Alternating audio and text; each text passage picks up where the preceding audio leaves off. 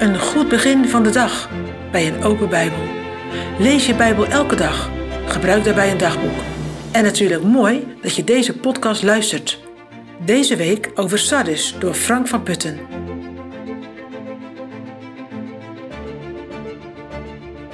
Fijn dat je vandaag weer luistert naar deze podcast, naar de brief aan de gemeente van Sardis. En vandaag komen we bij een nieuw stukje van de brief aan. Want in de versen die we eerder deze week overdacht hebben, werd de gemeente heel scherp, heel kritisch aangesproken.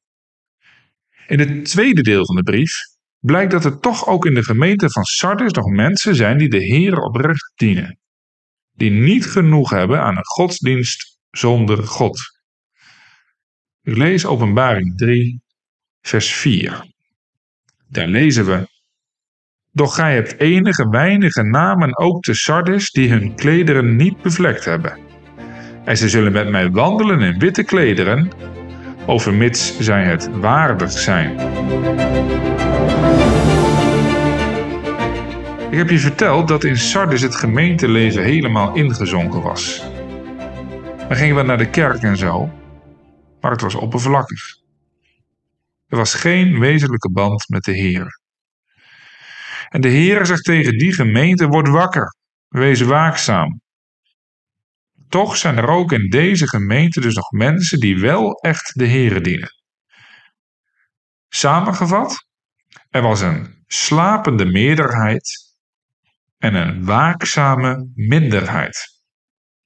En wat gebeurt er nu in vers 4, wat we zojuist gelezen hebben? In dat vers wordt die slapende meerderheid gewezen op de levenswandel van die waakzame minderheid. Tegen het grootste deel van de gemeente wordt gezegd: word wakker. En kijk eens naar die paar mensen die de Heer wel dienen. Hoe worden die mensen genoemd? Mensen die hun kleren niet bevlekt hebben. Mensen die geen onzuivere leer aanhingen en ook geen onkuis leven leiden. Zo leggen de kanttekeningen uit. In de Bijbel komt dat beeld vaker voor, dat de Heer spreekt over kleren. Denk aan de klederen des heils en de mantel der gerechtigheid. Of aan de lange witte klederen, waar Johannes later in openbaring van spreekt. De kleren zijn een beeld om onze verhouding tot de Heer uit te drukken. Bevlekte kleren zijn dan een beeld van een leven in de zonde, die de verhouding tot de Heer verbreekt. En onbevlekte kleren, waarin dit vers over wordt gesproken, zijn een beeld van een levend geloof, van een levende band met Christus. Zeker, ook die mensen hebben zonde. Dat lees je heel de Bijbel door, dat Gods kinderen niet zonder zonde zijn. Maar ondertussen hebben ze wel een band met de Heer Jezus. Een band van geloof. En dat zorgt ook dat je wilt strijden tegen de zonde. Nou, zulke mensen waren er dus ook in Sardis. Ze zaten in een hoekje, een beetje weggekropen. Want de grote meerderheid in de gemeente begreep hen niet. Die mensen waren ingezonken. En tegen die grote meerderheid zegt de Heer: Wees waakzaam, bekeer je, hou je aan het evangelie dat onder jullie is gepreekt.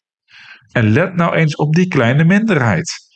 Op dat groepje mensen dat hun kleren niet bevlekt heeft.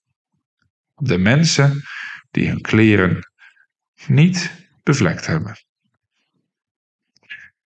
Nu heb ik een vraag aan jou. Hoor jij altijd bij de meerderheid, bij de grote groep? Dat kan. Hoeft ook niet verkeerd te zijn.